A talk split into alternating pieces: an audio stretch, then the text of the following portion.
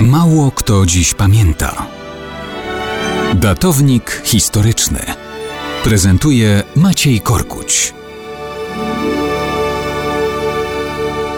Mało kto pamięta, że dzisiaj 130 lat obchodzi koło naukowe historyków studentów Uniwersytetu Jagiellońskiego. Wszystkiego najlepszego dla wszystkich historyków z Krakowa. Przy okazji, mało kto dziś pamięta, że 16 stycznia 1878 roku po raz pierwszy na świecie doszło do skutecznego ataku morskiego przy użyciu torpedy samobieżnej.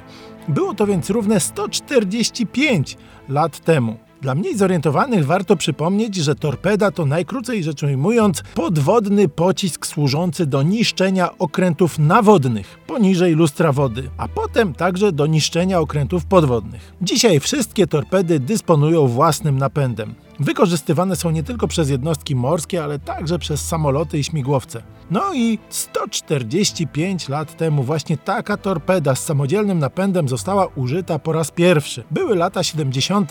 XIX wieku. Trwała wojna Rosji z Turcją. Morze Czarne było więc jednym z oczywistych teatrów działań wojennych. Okrętem Wielki Książę Konstanty dowodził admirał Stiepan Osipowicz Makarow. To on zamienił swój okręt w bazę dla kutrów minowych i torpedowych. I właśnie wśród jego torped były również owe nowoczesne, napędzane sprężonym powietrzem. 16 stycznia 1878 roku. Kanonierka Intibach, przynależna do floty Imperium Osmańskiego. Przyjęta była do służby zaledwie dekadę wcześniej. Miała drewniany kadłub o długości 40 metrów. Napędzana silnikiem parowym, była uzbrojona w trzy armaty. Pełniła właśnie służbę patrolową w rejonie Batumi, kiedy w odległości 80 metrów pojawiły się dwa rosyjskie kutry.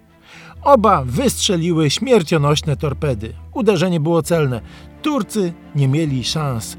Zginęło 23 członków ich załogi. Zwycięski wówczas admirał Makarow miał szczęście i mógł być zadowolony. Ale po ćwierć wieku z okładem przyszła kryska na Matyska. To jego okręt wpłynął w czasie wojny rosyjsko-japońskiej na minę i poszedł na dno.